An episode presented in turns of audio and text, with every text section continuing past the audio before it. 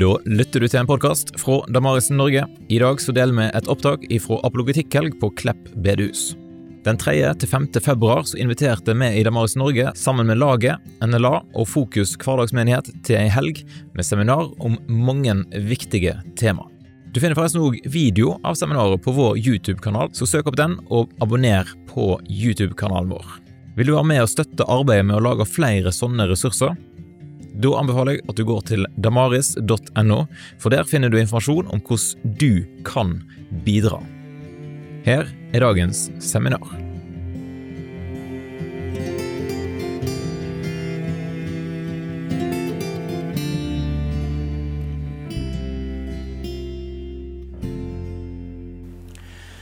Eh, men det jeg skal ha om, det er evangelienes troverdighet.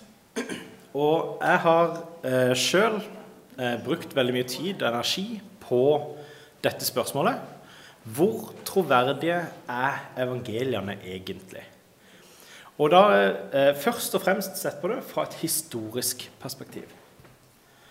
Eh, det er fordi at eh, når jeg gikk inn i spørsmålet om evangelienes troverdighet, så gjorde jeg det fra et ikke-kristent perspektiv. Eh, jeg tok det ikke som en selvfølge at eh, evangeliene de er inspirert av Gud, f.eks. Eh, det var egentlig ikke aktuelle spørsmål for meg før lenge etter er det sånn at jeg skal stå enda mer sånn? Eh, det var lenge etter at jeg var blitt kristen, at jeg skjønte at det var et viktig spørsmål. Så selv etter at jeg var blitt kristen, så mente jeg allikevel at ja, jeg tror, jeg tror det, det, er faktisk ganske fornuftig å være eh, sannhetsmotivert og likevel si Jesus sto opp fra de døde hvis evangeliene ikke er inspirert av Gud. Det er bare rene historiske tekster. Det var mitt utgangspunkt. Eh, og det er altså utgangspunktet mitt for eh, når jeg prater i dag. Jeg legger ikke til grunn at evangeliene er inspirerte. Jeg legger ikke til grunn at eh, de er hellige. Eh, er, det jeg sier, er dette her er nå en gang sånn kilder vi har fra historien. Og vi må vurdere de på de måtene som vi kan vurdere historiske kilder. Og så må vi se hvor tar det, dette oss. Så er det jo litt spoiler at uh, jeg i dag står her som kristen, så jeg, så jeg mener jo at det er særdeles troverdige kilder. Men det er noe jeg mener man kan begynne med å bygge opp helt uten å trekke inn Gud i spørsmålet i det hele tatt. Så eh, da kan vi begynne med å se på Og det passer veldig bra, for dette er første sliden jeg skulle bruke. Så, eh, så vi kan begynne med å se på noen sånn vanlige måter eh, å, å, se på historiske kriterier. Én eh, ting er f.eks. hvor lenge etter hendelsen er de skrevet? Ja, det er ganske relevant. Det er forskjell hvis noe er skrevet akkurat samtidig som noe skjer, eller om noe er skrevet eh, 3000 år seinere. Ja? Det, det, det, har noe å si. Hvor troverdig tenker vi det? Hvis jeg skrev 3000 år eh, seinere, så tenker vi at da bør den personen ha ganske gode kilder. Ja? Da kan ikke eh, førstekilden være hans egen godhet. Det ville vært eh, en veldig dårlig måte å begynne eh, troverdigheten til den historien. Ja. Og så et annet eh, kriterium. og det, dette, her, sånn, dette er kriteriet vi bruker på alle tekster, uansett eh, om de er evangelier, eller om de er Josefus som har skrevet, som er en jøde på den tida, eller en eller annen person. Ja. Uansett hva det er, så, så er dette kriteriet vi bruker. Eh, hvor lenge etter teksten er skrevet, har vi fysisk teksten? For det er jo sånn at det, er ikke sikkert at vi har originalen. Ja? Eh, jeg vil til og med si det sånn som dette her, at det er ekstremt sjelden vi har originalen. Den, altså I den grad vi har originalen, så er det f.eks. Eh, med Bibelen så vet vi eh, hvem som eh, skrev noen av disse bøkene. F.eks. Den, den eldste bibelen vi har som er samla sammen, vet vi hvem som skrev. Og den bibelen, som er skrevet av en som heter Jerome, eller Hieronymus på, på norsk, eh, Den Bibelen, den har vi fysisk. Ja? Men vi har, vi har ikke originalskrifter. Vi har ikke eh, Når Josefus skrev, så har vi ikke det første som han skrev. Vi har en kopi som er en kopi som er en kopi. Og Dette er typisk at man hører eh, ateister som skal kritisere Bibelen. De kan finne på å si det. Vi har bare kopier av kopier av kopier. av kopier. Så det er ingen grunn til å ha noe tillit til dette her. Og det er sant at vi bare har kopier av kopier. Men eh, å derfra si at vi ikke trenger å ha noe tillit til det som er skrevet, det er å forkaste alt som heter historie. Eh, for dette er tilfellet med all historie. Så, så eh, i den grad det er et argument, så er det et argument mot alt som heter historie. Eh, har vi flere historiske kilder til samme hendelse, så er det også noe som er interessant når man skal vurdere dette her sant. Ja, det, er, det, er, en fordel om vi har 50 forskjellige personer som alle sammen har skrevet om den samme hendelsen på en og samme tid. Det er, liksom, det er kjempebra. I hvert fall hvis ingen har sett på hverandre mens de skrev. Ja, de bare fulgte med og skrev. Det er en bra ting. Eh, I eh, denne konteksten, der vi snakker om eh, antikken, vi snakker om eh, romerske riket, så er det ganske vanlig å ha én. Så, så, vi pleier ikke å være misfornøyde om vi har én. Det, det, er mye bedre å ha én enn null, f.eks. Men ofte så er det én og to og sånn. Eh, og så er det litt sånn her eh, Passer det vi leser i denne historiske kilden, opp mot andre ting vi kan lese fra andre plasser? Også veldig interessant. Viktig å få med om man skal se hvor sannsynlig er det at dette her faktisk stemmer. Og det er også relevant i hvor stor grad innholdet er ulikt det som ellers var i kulturen. Kan, eh, men den kan fungere begge veier. Ja? Hvis det er veldig, veldig ulikt, men eh, hevder å være basert på en, på en måte sann historie, Eh, så er det jo litt sånn her Ok, det er faktisk litt interessant. For da sier de i hvert fall ikke det en skulle forvente at de ville sagt. Men da må det i hvert fall være veldig tydelig at det passer historisk med resten. Inneholder teksten noen flaue detaljer? Det er relevant. Eh, det er sånn at Hvis jeg eh, skriver en tekst om meg og min familie, og hver gang det skjer noe, så kommer jeg veldig godt ut av det. Og alle andre kommer dårlig ut av det. Ja? Da er det et hint Og det er ikke sikkert at jeg har vært veldig nøye på å være representativ på hvordan dette her faktisk eh, kommer ut. Kanskje jeg har tatt meg litt friheter. Ja?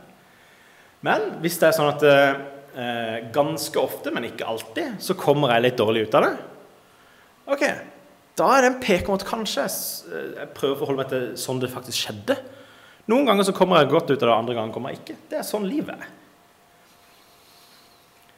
Og ikke minst vet vi hvem forfatteren er. Det er relevant. Det har noe å si hvem som har skrevet noe. Eh, det er ikke sånn at eh, hvis vi ikke vet hvem forfatteren er, så kan vi bare forkaste det helt.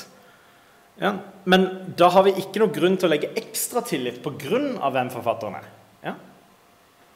Og det er helt greit. Det er liksom, hvis det viser seg at vi har ikke peiling på hvem som skrev eh, et eller annet brev eh, som var en brevveksling mellom to personer, som vi egentlig ikke vet hvem noen av disse to personene er, ja? så eh, trenger ikke det å bety at innholdet i brevet det er ikke sant. Men hvis vi hadde visst hvem både eh, sender og mottaker var, så hadde vi kunnet vurdere mye lettere å ja, det gir mening sånn og sånn. Ja. Så det, det, er relevant. I dag skal jeg trekke fram tre av disse, og alle disse kunne vi tatt. Eh, men jeg har dessverre ikke uendelig med tid. Eh, så velger disse tre. Har vi flere historiske kilder til samme hendelse? Samsvarer det historiske eh, innholdet med den historiske konteksten? Og vet vi hvem forfatteren er? Det er ikke så vanlig eh, i kontekster som dette å ta 'vet vi hvem forfatteren er', fordi de bare pleier å legge til grunn ja, vi vet ikke, eller det er ikke så nøye. Eh, men jeg mener saken er så sterk at vi burde faktisk kommunisere det av og til. Så Hvordan måler evangeliene seg mot samtidshistorie? Var det litt vanskelig å lese? Ja, fint. For jeg har, jeg har, på skjermen min så har det vært veldig tydelig, men, men det var ikke så tydelig her som eh, eh, Stappfulle. Altså, evangeliene de er stappfulle av historiske og geografiske detaljer. Og ikke bare hvilken som helst type detaljer, men sånne som vi faktisk kan dobbeltsjekke. Vi kan sjekke mot ankjent historie. Vi kan sjekke mot dagens geografi. Vi kan gå og se noen av tingene. Ikke alle tingene kan vi sjekke eh, med dagens geografi, men, men mye. Og eh, jeg skal ta ett sånn case in point, bare for å eh, vise litt hva jeg mener her. La oss se på apostlenes gjerninger. Der var det en arkeolog på begynnelsen av 1900-tallet som het William Ramsay. Han eh, trodde at apostlenes gjerninger det var basically en eh, slags røverhistorie. Han hadde ikke noe særlig tiltro til den eh, boka. Men han var vokst opp i en kultur så han kjente en del av historien. og ganske mye, Mer enn det vi vil si at mange gjør i dag. Eh, og han jobba som arkeolog i de områdene som Paulus vandra i. Og som apostelens gjerninger handler om. Og han begynte etter hvert altså, Her er det en del sånn kjent. Så eh, han gjorde det plutselig til et prosjekt. Du skal teste dette her. Altså, hva kan jeg teste? Og når han tester, så finner han rundt 50 holdepunkter. 52, tror jeg. Holdepunkter eh, som han kan sammenligne, som han kan sjekke. Dette her er ting vi har kunnskap om. Og av de så fant han kun én feil. Den feilen han fant, det var at eh, ikonium det blir beskrevet som en del av Lykaonia eh, sammen med Lystra og Derbe. Men det han her William Ramsey sier, det, det var ikke tilfellet. Det vet vi. Vi vet at ikonium var eh, ikke under Lykaonia. Det vet vi. Og det er faktisk sånn at hvis du klarer å sette opp eh, over 50 holdepunkter, og du treffer på alle utenom én, så kan du si da har du faktisk utrolig stor historisk troverdighet. Det, det, er ikke alle tekster du kan gjøre det med, for å si det mildt. Det er ikke vanlig gang å ha 50 holdepunkter og kunne teste så vet jeg jo at det er noen som sitter her og så tenker de, du sier han har en feil. Ja. Det er en feil her. Og det som er gøy da, det er jo at historien fortsetter jo altså. For i 1910 så oppdager William Ramsay sjøl en inskripsjon som sier at Ikonium den var faktisk en del av Frygia mellom år 37 og år 72. Så da hadde evangeliene rett til å begynne med. Og det er jo litt ekstra gøy. Det er, det er en god historie å fortelle. Liksom. Og det som er litt ekstra interessant, det er jo at det betyr at eh, apostelens gjerning er jo sannsynligvis skrevet i denne perioden her. Og det er det mange som vil si nei, dette er for tidlig. Vil, mange vil si at 72 det er for tidlig. Jeg sier at dette er én av flere grunner til å putte det før 70. Ok, så Apostels gjerninger som testcase. Det er gøy. Da har vi kunnet fortelle en god historie, og vi kan fortsette. Så eh, det er sånn at vi kan gjøre en hel rekke sånne tester. Masse forskjellige. Vi kan sjekke på botanikk, vi kan sjekke på eh, lokale titler som blir brukt. Eh, vi kan sjekke eh, dialektord som noen gang kommer fram i teksten. Ja? Hvis det kommer fram et dialektord i teksten, og det er ikke sikkert, men, men når det gjør det, så kan vi teste. Er dette noe som er brukt i det området? Oi, har du sett? Det har vi andre kilder som sier. Ja? Og et sånn gøy eksempel her eh,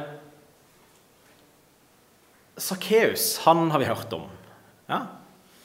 Eh, er det noen som vet hva slags tre han klatra opp i? Hva? Morbærtre, det er helt korrekt. Veldig bra. Det er en sang og alt mulig, har jeg hørt. eh, har hørt og det er en grunn til at mange kan, eh, kan vet treet. Eh, men ja, det, det er et morbærtre. Én ting. Morbærtre det er en sånn type tre som lave folk lett kan klatre i. Greit å vite. Men morbærtrær de kan vi sjekke. Hvor vokser det morbærtrær? Og det er veldig gøy. Da sjekker vi. Hvor vokser det morbærtrær? Jo, morbærtrær de vokser i Sør-Afrika.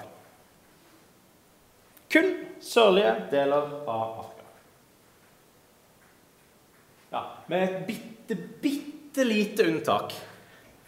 Like utenfor Jeriko så vokser det også morbærtrær. Og hvor var Sakkeus? Jo, han var i Jeriko. Og dette her skjedde like utenfor Jeriko. Ja, det er jo litt gøy. Så hvis du går på Wikipedia i dag og sjekker hvor vokser det morbærtrær, så vil du se Sør-Afrika og Jeriko. Det var i hvert fall sant når jeg sjekka det. Jeg, tror, jeg tipper det er sant ennå. Og eh, en av mine påstander etter å ha brukt ganske mye tid på å undersøke dette, det er eh, at vi finner ikke noen tydelige konflikter mellom evangeliene og samtidshistorie. Og de, plasser, de plassene det potensielt er noen konflikter, kan i all hovedsak løses ved helt enkle grep, som f.eks. å lese tekstene i lys av hverandre. Ja. Eh, han som har skrevet denne her, Peter J. Williams Det er en bok jeg bare kan anbefale bare ekstremt høyt. Kan vi stole på evangeliene? Han eh, nevner veldig mye av dette her som jeg snakker om her, men jeg har sagt det siden før han skrev boka. men i hvert fall eh, Han var mye, Jeg henta mye fra han på YouTube når jeg drev og sjekka dette før. Han er professor, så det er en seriøs uh, type. Han sier det vanskeligste problemet som er mulig å spore opp i evangeliene, som kanskje lar seg løse, og kanskje ikke lar seg løse, det er i juleevangeliet, når Kvirinius blir putta som landshøvding i Syria. Og vi vet at Kvirinius var landshøvding i Syria eh, en, nesten tolv år etter Jesus skal ha blitt født. Altså, eh, Jesus må ha blitt født før Herodes døde. Men så er det sånn at akkurat den perioden så vet vi ikke hva Kvirinius gjorde. Ja, så, så, det kan være at han, han, gjorde noe der. Det kan være, altså det er flere, flere, måter å kanskje løse dette på.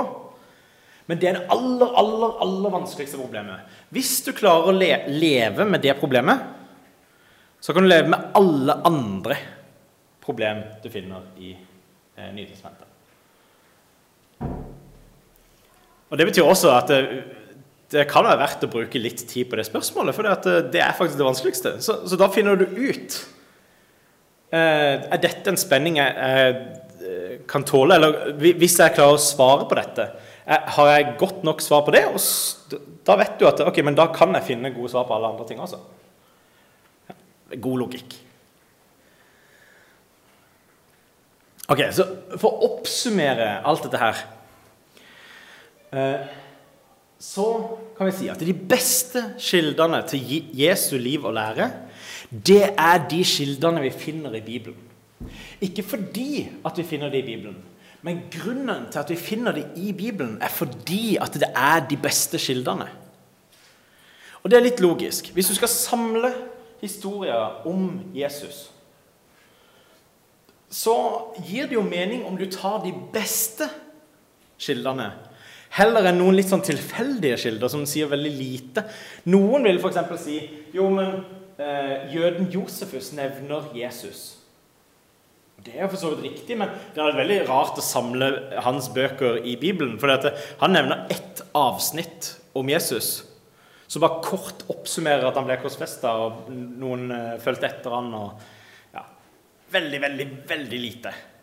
Så det er veldig rart å ta med alt det hvis det du egentlig ønsker å si noe om, det er Jesus. Og så har vi fire biografier om Jesus. Ja, det gir mening. Bruk de heller. Eller bruk de brevene som faktisk handla om denne her Jesus og hva han lærte.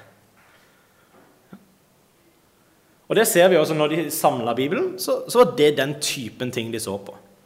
Hvor nært er dette her til hendelsen?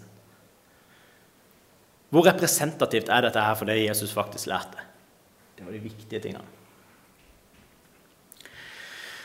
Ok, Så hvis vi prøver å se hvordan, eh, hvordan de måler seg hvordan evangeliet måler seg mot eh, samtidshistorie, så eh, Der er vi. Så hvordan måler evangeliet seg mot eh, sin samtidshistorie? Så skulle det komme sånn som dette her. Det hender vi finner overskrifter sånn som dette her. Jesus eksisterte aldri. Og her får vi til og med en kjempegod begrunnelse. En forfatter han finner at ingen nevner Jesus av 126 historiske tekster. Ja. Derfor kan han si Jesus var en mytisk person. Og det, Når jeg ser sånn som dette her, så blir jeg veldig veldig glad.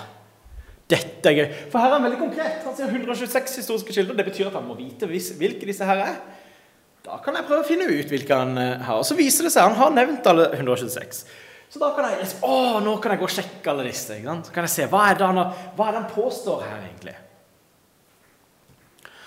Ja, og da undersøker jeg det, og så finner jeg ut at eh, når vi ser på hvilke historikere som skrev om Judea på Jesus sin tid, så finner vi disse tre personene her pleier å bli nevnt. Det er en jøde som heter Filon av Alexandria. Han levde sånn kanskje til år 50 etter Kristus. Så har vi en jøde til som heter Josefus. Han har allerede nevnt. Han er en stor historiker på den tida. Eh, han ble født ca. år 37. Eh, og så har vi Tacitus, en romer, som skriver en del om dette området på den tida. Så her har vi tre historikere. Og han her nevnte jo 126 tekster. Vi kommer tilbake til det. Men dette er de tre som skriver mye om eh, Judea, som ikke skriver mye om Jesus. Men det er jo sånn at vi har jo noen flere folk som skriver om Judea på Jesu tid. Vi har f.eks. noen som vi kjenner her, som heter Lukas. Vi har en som heter Markus og Matteus og Johannes. Paulus har vi, og Peter har vi. Vi har, en hel haug av folk som, som, skriver om, Jesus, eh, om Judea på Jesu tid. Ikke bare det, vi har enda flere. altså Vi har noe apokryfevangeliet, vi har kirkefedre Det er masse folk som skriver om, eh, om denne tida. Og når vi ser på disse her, så er det sånn at eh, alle, bortsett fra Filon og Alexandria, har nevnt Jesus. Så han her som nevner 126 tekster, han nevner ingen av disse tekstene. Ja. Men han nevner Josefus og Tacitus. Og så sier han disse har ikke nevnt Jesus. Men det har de. Begge de to har nevnt Jesus. Det, det, eneste som er her, er at jeg skulle ønske at Filon og Alexandra også nevnte Jesus. Ja. Det hadde vært så utrolig. Det hadde vært eh, levd samtidig. Det hadde vært helt perfekt. Så hvis noen skulle forfalske noen til å snakke om Jesus, så er det Filan som er den perfekte kandidaten. Men det ser vi ingen har gjort. Det er også et interessant argument her. La oss ta disse her 126. Og Da må jeg ha notatene mine, så jeg ikke lyver. Eh, av disse 126 så er det tre som er rimelige eh, historikere. Det er de tre nevnte. De er rimelige å ta med i en sånn oversikt. Eh, så er det sånn at eh, eh Vi har eh, 47 av, av, disse tekstene som, som, han nevner, 47 av de personene som vi har tekstene til her, har vi ikke tekstene til i det hele tatt. Altså, Vi vet ikke. Det kan faktisk være at de har nevnt Jesus. Vi vet ikke.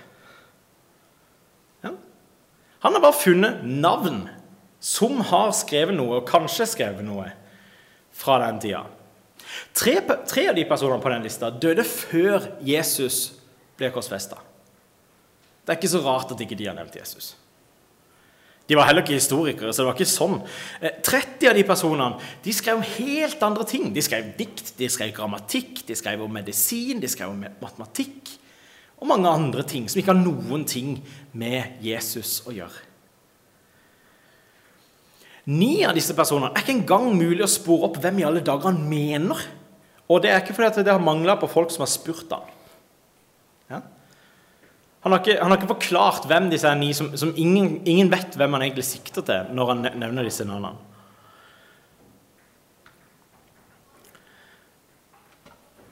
«31 av de gjenstående personene har skrevet om Judea på Jesu tid. Men til sammen av disse 31 personene skrevet omtrent fem sider så da er det ikke så unaturlig at de ikke har nevnt Jesus. Ja? Det, men så er det sånn at blant de 31 så har vi allikevel eh, en som heter Lucian, en som heter Svetonius, en som heter Pline det yngre. Og på tross for at de inkluderes blant de 31 som har skrevet fem sider til sammen, så har disse tre valgt å fremheve en tekst om Jesus allikevel. Så det betyr av de 126 så er det da eh, fem som faktisk nevner Jesus. Og så har han bare utelukka alle de som faktisk har skrevet masse om Jesus. Det har vært metoden hans. Han har aktivt bare ignorert alle som nevner Jesus. Og da er det ikke rart at han kommer til konklusjonen at ingen nevner Jesus. Og det er litt sånn at det, det som er typisk når, når man snakker om historisk Jesus, det er at man, man slutter eh, kanskje ca. 100 år etter Jesus døde. Eh, og Det er fordi at vi har så mye kilder at det er plenty. Han her har brukt 300 år, så jeg vet ikke engang hvor mange som har nevnt Jesus innen den tida. For jeg orker ikke å telle alle. Det er noe som jeg hadde hatt tro til, men jeg, jeg, ser bare ikke nytten i det. Det er, alt, det er så mange av det. Det er ikke noe poeng. Så det vi ser, er at eh, hans poeng det faller helt i grus. Så skal jeg ta et eh, konkret argument som var med på å gjøre at jeg ble eh, kristen. Som gjorde at jeg løfta evangeliens troverdighet eh, til noe jeg ordentlig kan stole på. For alt det jeg har sagt fram til nå, det er bare vi har kilder som snakker om Jesus. Men jeg har ikke sagt noe om hvor troverdige disse kildene er. Eh, det argumentet som jeg er aller mest glad i, det kaller vi for utfyllende detaljer. Så eh, Et eksempel er historien om der da Jesus metter 5000. Hva skjer der? For det første så snakker vi om en historie med et mirakel. Ja. Det, det, er relevant. Så er poenget i, i dette argumentet det fungerer sånn at når vi leser de forskjellige evangeliene ved siden av hverandre, og de snakker om de samme tingene, så bekrefter de hverandre på en måte som man ikke skulle forvente dersom de skrev av hverandre og prøvde å forklare hva hverandre sier. Men de, de forklarer hverandre på en sånn måte at det virker helt bare sånn tilfeldig at de forklarer hverandre på en bedre måte. Og Dette er veldig vanskelig å forklare, så jeg ber å bruke et eksempel. Og Nå skulle det stått en hel haug av tekster her. Eh, og De er f.eks. Eh, hos Markus så leser vi mange kom og gikk. Derfor så måtte de trekke opp i høyden. Det er ikke noe du trenger å forklare. Det betyr hva mange kom og gikk. Det kan være mange gode grunner til at folk kommer og går. Eh, I eh, Johannes så leser vi ingenting om at mange kommer og går. Men det han sier, det er påska var nær, så vi måtte trekke opp i høyden. Og da ser vi at de to de forklarer hverandre veldig godt. Grunnen til at veldig mange kom og gikk, det var fordi at påska var nær. Og Hvis vi da går til Lukas evangeliet og finner ut hvor er dette her, så finner vi ut at jo, det er utenfor Betzaida. Og Hvis vi da går til jøden Josefus, som nå har begynt å nevne ganske mange ganger, så sier han jo, men det er mange som gikk rundt her på den tida. Når nær. Eller ved, ved høy, jødenes høytider, sier han. Ja. Så vi har eh, masse grunner som passer sammen på en helt konkret måte, uten at det virker at det er designer. Det er bare de velger å trekke fram forskjellige ting. Et annet eksempel på samme sted. Markus nevner gresset er grønt. Det, trenger, det, er ikke noe man trenger å bry seg veldig mye om. Det er ikke noe man trenger å bruke veldig mye tid og energi på. Men eh, Johannes nevner også at det var mye, eh, mye gress. De er veldig opptatt av dette gresset. Det er litt rart. ja. Eh, men, men, er det noe som trenger forklaring? Nei, det gjør ikke det. Men det viser seg at det er en forklaring. Forklaringa er at eh, på, nå, nå, vet vi jo at dette her er når påska nærmer seg. Og vi vet hvor det er. Så vi vet at der er det vanligvis brunt gress. Men dette her er like etter regntida. Så det er masse frodig grønt gress. Det er en god grunn til at det var en ting de beit seg litt merket i når de husker tilbake på denne eh, historien. Ja. Og det er mange sånne eksempler. Altså, og Bare i, i denne her med Jesus møtte 5000 så er det en hel haug av sånne eksempler. Og det er bare sterke pekere på at evangeliene de er troverdige øyenvitneskildringer. Det trenger ikke å være øyenvitnene som faktisk har skrevet dem. Faktisk så sier i Lukas evangeliet aktivt at nei, jeg har ikke sett det sjøl, men jeg har snakka med de som har, eh, vært der. Ja. Så det innholdet i evangeliene, det er troverdig øyenskildringsmateriale. Så da er jo et uh, viktig spørsmål det er, vet vi hvem det er som har skrevet disse eh, evangeliene. Der ser vi nemlig at det er utrolig vanlig å bare si evangeliene de vet vi ikke hvem som har skrevet. Uh, det er noen som sier det er uh, Lukas, Markus, Matteus, Johannes. Men de bare, de bare tar tradisjonen og så bare forholder de seg til den, og så tror de det er sant. Det er veldig vanlig. Det finner du masse, til og med kristne, som sier. Eh, min påstand er hvis vi ikke vet hvem som har skrevet evangeliene, så vet vi ikke hvem som har skrevet noen tekster. Hvis vi prøver å være litt konsekvente Jeg skal gjøre, gjøre opp en sak for det. Vi bruker Lukas som eksempel. Og da Apostlenes gjerninger, for det er samme forfatter. Og det er alle enig i. Uansett om de mener at vi ikke vet hvem, eh, hvem som har skrevet, så mener de det er samme person som har skrevet Lukas og nei, Apostelens Ok, først. Eh, hvem skal Lukas ha vært? Jo, det skal være medreisende med eh, Paulus. Han skal ha vært lege. Jeg vil også kunne si at kanskje han også var biograf, for han har i hvert fall skrevet en knakende god biografi om Jesus. Han skal være skrevet type i Antiokia, kanskje sendt ut fra Roma. Eh, det fins en teori om at det er sendt ut samtidig som romerbrevet. Eh, han har litt god backing, men også, Det er ikke noe jeg ville satsa livet mitt på. Men, men eh, interessant. Når kan vi si at han er skrevet? Hvis han er skrevet sammen med romerbrevet, så er han enda tidligere enn 62. Men jeg mener vi har veldig gode grunner til å si innen år 62. Det som er vanlig, er å si på 80-tallet. For dette må selvfølgelig være etter 70-tallet, for dette Markus har skrevet på 70-tallet, mener de. Eh, og det er jo fordi at de nevner at tempelet kommer til å falle. og tempelet har jo falt i år 70. Eh, så da kan de plutselig skrive om det. Jesus kan jo ikke forutsi noe. Ja, jeg tenker jo, Det kan faktisk være at Jesus kan forutsi noe. Jeg mener til og med at eh, la oss si Jesus ikke er Gud, så det, kan det jo være mulig at han sier noe som er sant om framtida likevel. Ja, det hender jo at noen får noe rett. Så, så til og med eh, da. Så, men, men eh, jeg tenker vi har mange gode grunner til å putte det før 62 på Lukas.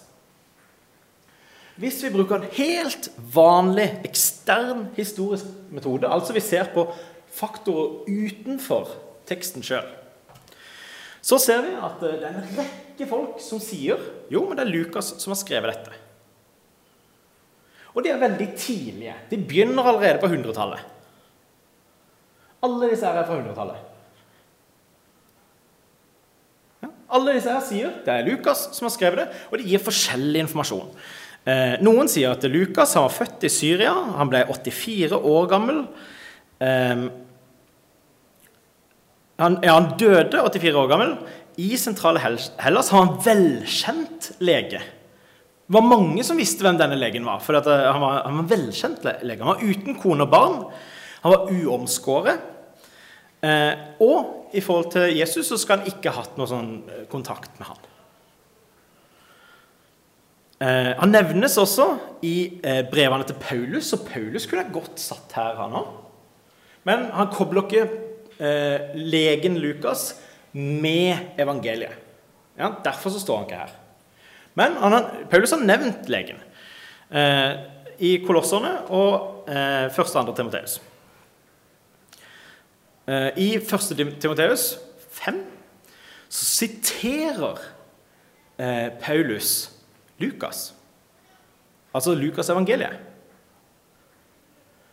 Og han skriver 'Forskriften sier' Du skal ikke sette mulebånd på en okse som eh, tresker, og arbeideren er verd sin lønn. Og da sier han både et Gamle testamentet-sitat og et Lukas-sitat samtidig, på akkurat samme nivå som Skriften. Så Paulus ser ut til å løfte eh, Lukas' evangeliet opp til Skriftens eh, nivå. Det syns jeg er veldig gøy. Hvis vi ser bare sånn, hva, hva skriver Lukas, da? Jo, så ser vi for det første at han hevder å ha reist med Paulus. For at han sier 'Vi reiste der og der, og vi gikk sånn og sånn'. Så han hevder å være en som hører til i denne gjengen. da. Han reiste sjøl. Og Hvis vi setter disse her opp mot hverandre, så ser vi at det er faktisk en ganske konsekvent historie på hvordan han har vært med. og passer veldig fint. I tillegg så sier han også at eh, han har gjort eh, grundige undersøkelser med øyenvitner. Det skal jeg gå litt dypere inn i. Eh, ja, det var det poenget jeg gjorde i stad. Eh, vi ser, når vi bruker litt sånn Hvis vi tar det ett steg lenger, hvis vi er veldig veldig, veldig skeptiske og bare driter i det alle andre sier ja, Det vi gjør nå, det er å se ja, men vi kan faktisk teste, vi kan se er det en lege som har skrevet dette her. Da burde det hatt noen hint at det er en lege som har skrevet det. Ja, Så vi kan sjekke. Han har en innledning som en lege. Innledninga er sånn som dette. Det er mange som har forsøkt å gi en fremstilling av det som har skjedd blant oss. Slik vi har fått det overlevert av dem som helt fra første av var øyenvitner og ordets tjenere. Nå har jeg gått nøye gjennom alt fra begynnelsen av og har beslutta at jeg vil skrive ned for deg i sammenheng, ærede Teofilos, for at du skal forstå hvor pålitelig det du er blitt eh, hvor, hvor pålitelig det er, det du har blitt undervist i. Og her sier jeg Dette her er en innledning som en lege. Hvorfor sier jeg det? Jo, fordi hvis du eh, så slår opp på eh, Hvis du slår opp Hippokrates, som er en velkjent lege til og med i dag Den hippokratiske ed er legeeden som for øvrig også nevner abort, bare så jeg har sagt det. Eh, så Når vi leser innledninga til Hippokrates, så ser den ut litt sånn som denne. Ganske sånn som denne. Eh, og når jeg skulle faktasjekke det, så ble jeg ganske forvirra. For jeg hadde hørt veldig mange si det, og veldig mange som jeg stolte på. Så jeg måtte sjøl liksom men, men, når jeg skal bruke det poenget, så må jeg faktasjekke det. Det. Det er sånn jeg fungerer. Jeg kan ikke si noe hvis ikke. Da, uh, ja. Så uh, jeg skulle faktasjekke det. Og så finner jeg flere forskjellige oversettelser av Hippokrates. Jeg finner en oversikt over alle bøkene, for de pleier ikke å si hvilken bok det er. Veldig frustrerende. Så for dere eh, Boka På norsk så kaller jeg den 'Den medisinske håndbok'. Og På engelsk så, så, er det noe som ligner veldig på det, men det er litt forskjellig oversett. Så vet vi det. Fordi når jeg da kom til det, så syns jeg ikke det ligner så veldig på dette. her. Så jeg tenkte ok, det kan være de kanskje mener denne. Og så gikk jeg videre og lette gjennom alle de andre bøkene også. Men det var den eneste jeg på en måte endte med. Liksom, jo, men det, det, kan være det denne, Så jeg gikk tilbake til den. da. Og så viser det seg at eh, det å oversette, det er en liten greie. Det er faktisk ganske vanskelig. Det kommer veldig an på hva du vektlegger og i det store hele. Så hvis du setter de greske tekstene ved siden av hverandre Og jeg kan ikke gresk, men eh, jeg, jeg klarer å se to tekster ved siden av hverandre så klarer vi å se at her, da skjønner jeg plutselig kjempegodt hvorfor de sier at dette her ligner veldig. Jeg skal ikke si noen ting om grammatikken, det aner jeg ikke. Men, men ordene som brukes, er jo mye de samme ordene. Og da ble jeg jo veldig interessert, for de, de, tekstene ser veldig så, så, jeg prøvde å sette meg inn i okay, hva betyr hvert enkelt ord her, og det er sånn jeg fungerer. Um, og da kom jeg fram til at det, det, går an at jeg prøver meg på å gi en oversettelse som jeg tenker mange Altså den eh, oversettelsen som, som, jeg tenker Nå skal jeg prøve å beholde mest mulig innhold i denne teksten. Da blir en oversettelse sånn som dette er. Og jeg, jeg har fått uh, godkjent av en eh, venn at uh, ja, det, men det er en grunn til at vi ikke oversetter sånn. Ja.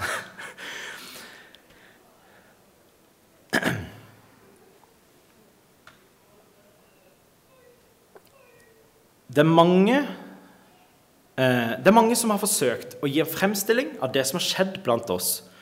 Sånn som vi har fått det overlevert fra de som helt fra først av var øyenvitner og ordets tjenere. Nå har jeg gått nøye igjennom alt fra begynnelsen av og har beslutta at jeg vil skrive det ned for deg i sammenheng, ærede Teofilos. For at du skal forstå hvor pålitelig det er det som du har fått en lang og grundig undervisning i.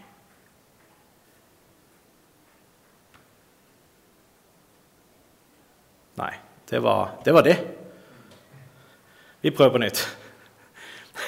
Jeg, jeg syns det var veldig kjent. Vi, vi, prøver på nytt. Og da blir det tydeligere at det er ganske stor forskjell. Ja, det, det var ikke så stor forskjell på det jeg sa. Eh, det er sikkert og visst at mange har gjort grundige forsøk, men feila tidligere på å sette i rekkefølge et narrativ som leder veien til det som har skjedd iblant oss etter den forespeila veien. Selv når de som blant oss var personlig til stede fra begynnelsen av Jesu virke, overleverte muntlige tradisjoner. Eh, det synes godt om også jeg skriver ned i ordna rekkefølge etter å ha undersøkt flittig, grundig og nøyaktig fra første stund av. Sånn at du, ærede Tofilos, skal kunne stå fast i din viten om de ting som du allerede har fått grundig muntlig opplæring i. Og litt annen tekst. Ja, og det blir en veldig mye lengre tekst. Men, men, det er fordi at det, ord har mening, og det har mening utover akkurat det vi sier. Og sånn er det på norsk også. Det har mye å si hvilke ord jeg bruker. Eh, hvis jeg sier eh, 'undersøke' eller 'studere' noe, så, så, betyr jo det basically det samme. Men hvis jeg sier 'studere noe', og alle sammen vet at jeg har studert filosofi, og at jeg har en mastergrad i filosofi, så vil de kanskje tenke at hvis jeg sier jeg har studert historie, så tenker de kanskje at jeg har gjort det på universitet. da. Men det har jeg ikke. Så, så, og det hender jeg sier studere, altså jeg har studert historie, men da mener jeg gå grundig til verks i. Og jeg, jeg, vil si av en akademisk karakter, så, så jeg, ikke, jeg, har ikke så dårlig samvittighet for å si studere. Derfor har jeg ikke gjort noe med det heller. Men i hvert fall, han har en innledning som lege. Uh, og det er ikke så veldig lenge igjen, så skal vi uh, Det er masse andre ting som peker mot uh, at Jesus er en lege. Han har referanser til medisinske aspekter. For eksempel Skal vi se Eksempel i Lukas 4,38 så sier han 'høy feber'. Heller enn bare feber. Ja? Og det er jo en medisinsk vurdering. Ja, han har høy feber. Han har ikke bare feber. Det er viktig at han har høy. Og det, Dette her blir veldig sånn, små detaljer bare, som bare peker i retning. Eh, I Lukas 5, eh, 12 så ser vi at eh, Lukas han sier han er full av spedalskhet. Mens Matteus, som skriver akkurat samme, han skriver bare mannen var spedalsk. Men Lukas han er, han er full av spedalskhet. Eh, Lukas nevner at Jesus omskjæres. En medisinsk greie. Og det er også mer naturlig hvis han sjøl er uomskåret, at han kanskje nevner det som en greie. Det er kanskje litt rarere for han enn for de som vanligvis er det. Eh, han legger merke til ting en eh, lege ville lagt merke til. Eh, I Lukas 22 Eh, så sier eh, Jesus Nei, så, så, skjer at Jesus eh, Peter kutter høyre øre av en soldat, som vi seinere får vite navnet på. Eh, og Lukas er den eneste som nevner at Jesus helbreda øret igjen. Altså, hvem som helst kunne ha nevnt det. Men det var legen som valgte å nevne det.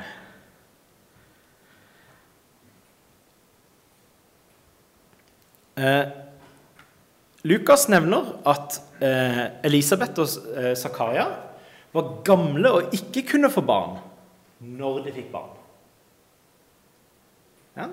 Det er naturlig for en lege å trekke fram. Han er også den som trekker fram at Maria var jomfru.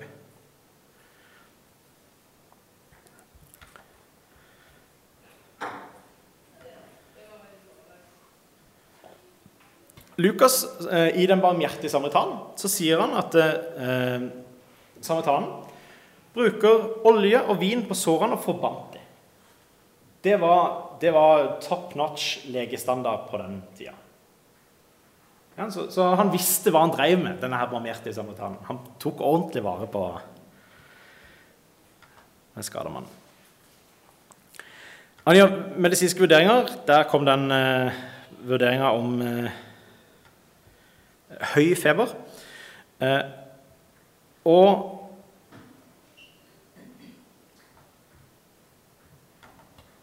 ja, Lukas 13.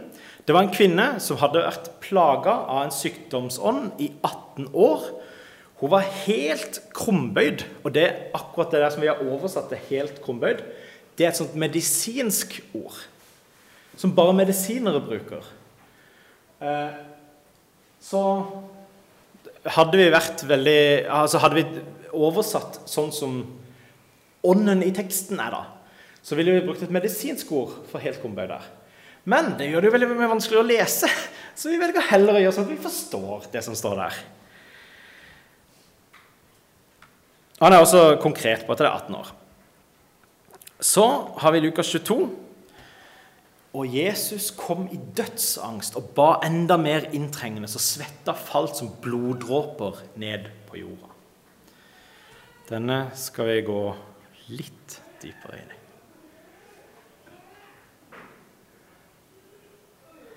Så vi husker det er legen Lukas som understreker dette. her. Eh, og Da viser det seg at det å eh, svette blod det er en veldig veldig sjelden greie. Men det skjer. Det er noe som eh, vi kaller for hematidrose i dag. Ja, og Det hadde vært litt rart om det sto Jesus kom i døds, dødsangst og ba enda mer inntrengende. Så opplevde han hematidrose. Ja. Kommuniserer ikke like godt. Men eh, det er det som er å og greia. Eh, vi har noen helt konkrete eksempler. altså Soldater som sto først i eh, rekka når de skulle inn i krig. Eller i, i den moderne tid fanger som står på dødscella siste dagen de lever. Altså, her snakker vi om folk som vet helt sikkert at de kommer til å dø, og har en brennende dødsangst. Eksistensiell angst som er så massiv at du begynner å svette blod.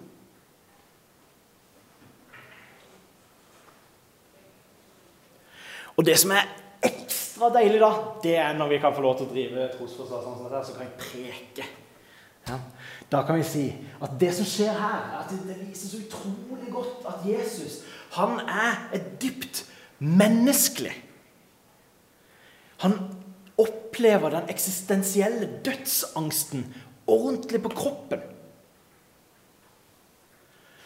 Men dette her er også før han blir tatt til fange. Så han vet at det kommer til å skje noe som ingen andre vet at kommer til å skje ennå. Så det peker sterkt mot at han også er Gud på en og samme tid. Så vi har en dypt menneskelig og dypt guddommelig på en og samme tid. Det preker godt.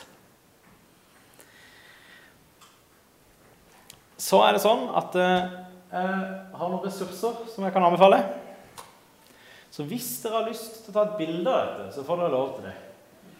Um, men særlig hvis du bare skal ha én anbefaling, så er det denne boka. Kan vi stoler på evangeliene? Den første som står på lista her. Det er en generell bok som er, tar opp mye forskjellig om evangelienes troverdighet på en utrolig god måte. Eh, sånn at folk klarer å lese det uten å være teologer eller uten å være superbibelkyndige eller i det store hele. Men alt som er her, er altså kjempegod kvalitet på. Det er derfor jeg bytta det her. Så eh, Men eh, i hvert fall Hvis du bare skal velge én bok å lese i år, eller de neste ti Jeg vet ikke så mye, men i hvert fall i år. Hvis du leser én bok i året, så er dette et godt valg. Takk for meg.